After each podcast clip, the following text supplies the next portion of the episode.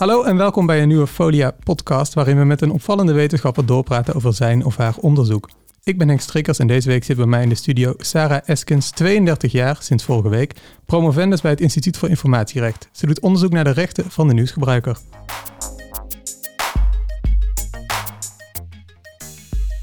Sarah, welkom. Dankjewel. De rechten van de nieuwsgebruiker, waar, waar gaat dat onderzoek precies over?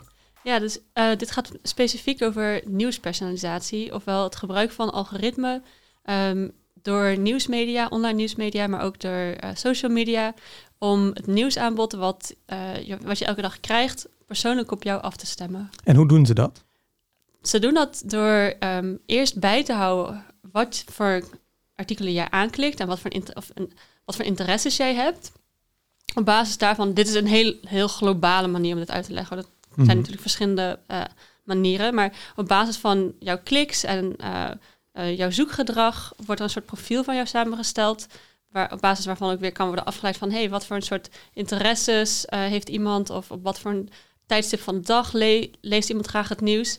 En op basis van die informatie wordt eigenlijk elke dag een, een selectie nieuwsartikelen gemaakt die goed aansluit bij jouw uh, voorkeuren. Dus op Facebook zie je natuurlijk dat de informatie die jij ziet op Facebook, daar is al een selectie gemaakt um, door Facebook. Je ziet niet alles wat je vrienden posten of niet alles wat alle pagina's die jij volgt uh, de hele dag online zetten. Mm -hmm. En je ziet hetzelfde fenomeen dus ook steeds meer bij uh, online nieuwsmedia. Dus als je bijvoorbeeld een app gebruikt van The Guardian of van de New York Times, dan kan het zijn dat die voorpagina niet voor iedereen hetzelfde eruit ziet, maar dus per persoon net een andere indeling en andere focus heeft van artikelen die daar getoond worden. Dus als ik tien keer iets over de brexit heb gelezen, dan weet The Guardian dat ik de brexit interessant vind en zal hij me meer artikelen daarover geven? Ja, dat is, dat is inderdaad ongeveer het idee. En ik moet wel erbij zeggen, um, dit is nog wel heel erg in ontwikkeling. Dus het is niet zo dat, dat het nou bij iedereen al heel erg verschillend is welk nieuws je ziet.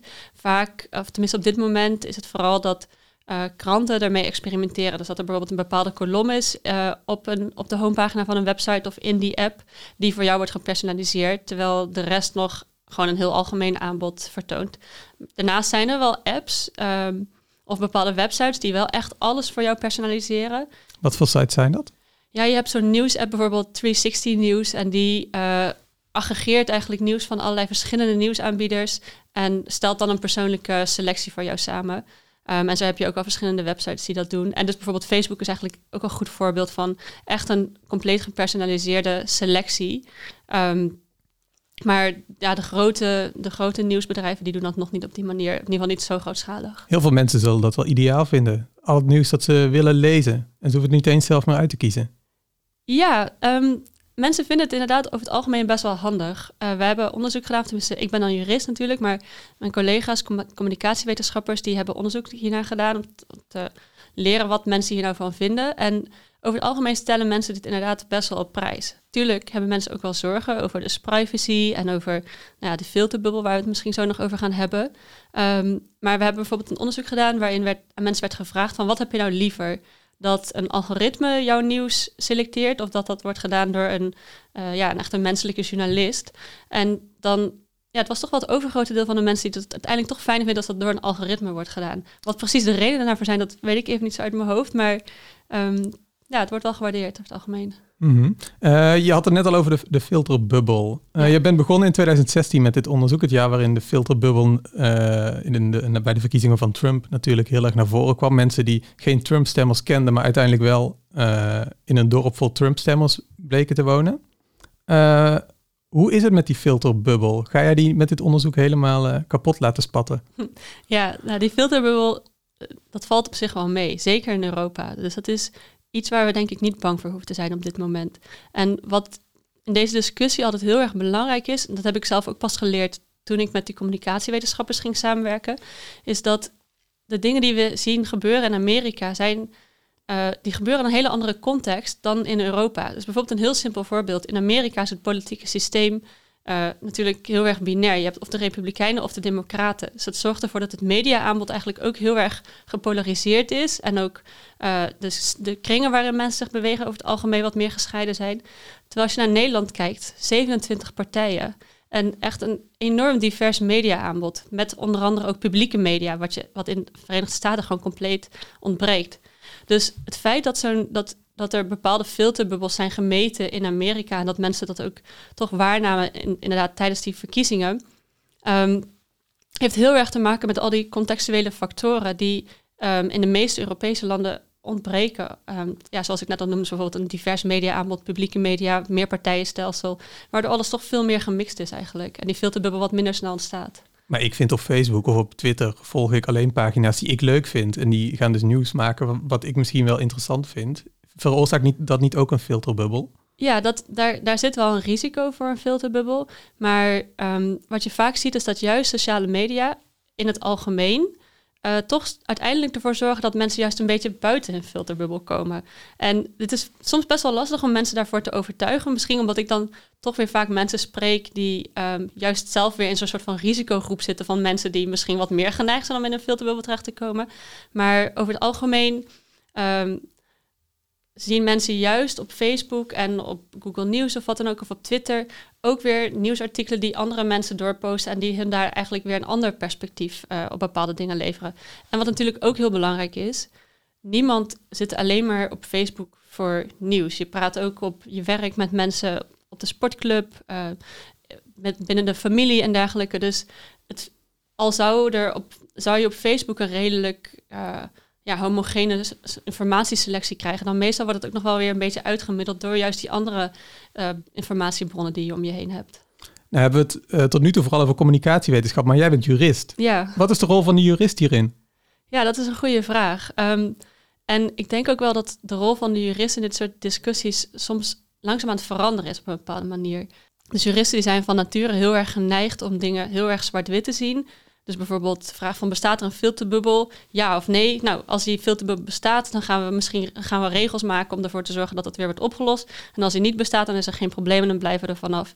Maar in dit soort situaties is nieuwe media, uh, uh, privacy, vrijheid van meningsuiting, ligt het allemaal veel genuanceerder. En dan is de rol van jurist ook vaak anders. Dus bijvoorbeeld wat ik tijdens mijn onderzoek doe is, ik doe niet allerlei voorstellen voor nieuwe regels of wat dan ook. Maar ik probeer eigenlijk vooral te begrijpen hoe regels toepassen, van toepassing zijn op uh, die fenomenen die we zien. En ik probeer ook te begrijpen van bijvoorbeeld het feit dat we in Europa of in Nederland niet zoveel last hebben van filterbubbels. Kan ik, in, kan ik aanwijzen wat er nou in het mediabeleid en het mediarecht voor elementen zitten die er eigenlijk ook voor zorgen, die eraan bijdragen dat het hier juist allemaal wel goed zit. En wat kunnen we dan uh, ervoor doen? Wat kunnen we eraan doen om die situatie te behouden, bijvoorbeeld? Dus het, gaat, het zijn ja, andere soorten vragen die je stelt. Nu, nou is je promotie pas uh, voor volgend jaar gepland. Maar ja. kun je al een beetje een tipje van de sluier oplichten hierover? Zijn er al begin, uh, beginnetjes van antwoorden die ja. je kunt geven? Ja, op zich wel. Um, wat ik in mijn onderzoek doe, ik kijk eigenlijk naar twee fundamentele rechten van nieuwsgebruikers. Enerzijds privacy, een gegevensbescherming, en anderzijds vrijheid van meningsuiting en het recht om informatie te ontvangen. En um, die twee rechten die zijn uh, eigenlijk met elkaar verbonden. En dat is iets wat ik in mijn onderzoek verder conceptualiseer. En als ik op basis daarvan dus dat inzicht dat vrijheid van meningsuiting en privacy met elkaar zijn verbonden, uh, ben ik tot het inzicht gekomen dat het bij die uh, personalisatiesystemen heel belangrijk is dat je de gebruiker altijd heel actief erbij betrekt. Dus dat je niet alleen maar een selectie nieuws voor iemand maakt op basis van wat iemand heeft aangeklikt en op wat iemand op Facebook heeft geliked, maar dat je ook iemand actief gaat vragen naar wat zijn je interesses en dat je een soort feedback loop ook uh, in, die, in die systemen um, ja, ontwerpt, zodat, zodat je mensen actiever betrekt bij het feit dat er bepaalde algoritmes worden gebruikt. Dus als ik tien keer op Brexit heb geklikt, dat er dan een pop-up komt bijvoorbeeld met uh, het lijkt erop dat je de Brexit interessant vindt, vind je het goed als we je meer over de Brexit laten zien? Of is dat iets anders? Bijvoorbeeld, ja, dat zou echt een heel goed idee zijn. En um, dan moeten natuurlijk, nieuwsmedia moeten er dan wel heel creatief over nadenken van wat zijn nou de beste manieren om dat, um, ja, om dat te installeren als het ware. We zien uit gebruikersonderzoek dat mensen over het algemeen geneigd zijn om um, niet te veel gebruik te maken van opties die we hebben. Dat zie je bij privacyonderzoek, maar dat zie je ook bij die personalisatiesystemen. Ze gebruiken vaak weinig die dashboards die bij een, bij een bepaalde app hoort. Uh, maar ik denk wel dat er andere manieren zijn om mensen er toch bij te betrekken. En kijk, het gebruik van die personalisatiesystemen, het is altijd enerzijds in het belang van de gebruiker, maar ook in het belang van het nieuwsmedium. En juist omdat het in het belang van het nieuwsmedium is, is het denk ik ook belangrijk dat we ervoor zorgen dat ze toch ook weer die belangen van die gebruiker op een ja, volledige manier mee blijven nemen. Ben je je nu heel erg bewust dat als je ooit op een krantensite zit, dat je niet drie keer op hetzelfde onderwerp klikt, omdat je dan altijd dezelfde berichten gaat krijgen? Hm. Ja, ehm, ik ben me er soms wel bewust van. Dus soms Wanneer? vraag ik me wel, nou, misschien meer op Facebook of zo. Dus ik heb op Facebook, vind ik het soms wel grappig om gewoon random dingen aan te klikken of zo. Ook al slaat dat natuurlijk helemaal nergens op. Ik bedoel, Om het algoritme in de wacht te brengen. ja, dat is waarschijnlijk. Het is, dat mensen vertonen wel vaker van dat soort gedrag. Dat ze proberen een beetje het systeem te gamen. En, eh, en dat hoor ik ook wel vaker van mensen. Dat ze dus rare dingen gaan liken en dergelijke. Maar ik denk dat het uiteindelijk heel weinig uitmaakt. Ehm, maar dat geeft je toch als gebruiker een klein, weer een klein gevoel van controle op een bepaalde manier. En dat is wel heel interessant. Het feit dat mensen dat gedrag vertonen, laat wel zien dat we ook misschien toch, ook al maken we niet gebruik van die dashboards, maar dat mensen tegelijkertijd toch wel een bepaald soort gevoel van controle hierover willen hebben of zo. Mhm. Dus misschien kunnen we dat ook weer op een andere manier stroomlijnen. En ja, voor mezelf, ja, ik, ik denk, soms dan ben ik daar wel mee bezig, maar meestal, en dat zie je wel vaker met dit soort dingen, ehm, misschien denk ik er bij een paar kliks aan, maar dan vergeet ik het weer. En dan ga ik weer eigenlijk op dezelfde manier verder zoals ik altijd al het internet heb gebruikt. Dus je internetgebruik is niet heel erg veranderd eh, door je eigen onderzoek. Nee, niet heel erg. Ehm, ik ben wel, nou, ik denk dat ik wel wat actiever ben in het gebruik maken van opties om mijn nieuws echt te personaliseren. Dus bijvoorbeeld bij eh, The Guardian heb ik echt specifiek dingen aangeklikt. En bij de New York Times check ik af en toe van... hey, wat hebben ze nou precies in mijn profiel staan? Klopt dat nog een beetje? En kan ik wat opties aanvinken of eh, uitzetten? Ehm, dus in dat opzicht wel, maar ik denk ook wel... Kijk, ik was natuurlijk altijd al wel geïnteresseerd in deze dingen. Dus ik weet niet hoeveel dat nou heel erg heeft uitgemaakt. Misschien had ik dat ook wel gedaan zonder dat ik met dit onderzoek bezig was geweest. Oké, nou, dankjewel. Alsjeblieft. Eh, heel veel succes verder met je onderzoek. En voor de luisteraars, dank voor het luisteren. Heb je nou een tip of wil je ook graag de gast zijn in deze podcast? Reageer dan in de comments hieronder of stuur een mailtje naar redactieapenstaartje folia.nl. Dankjewel en tot de volgende keer.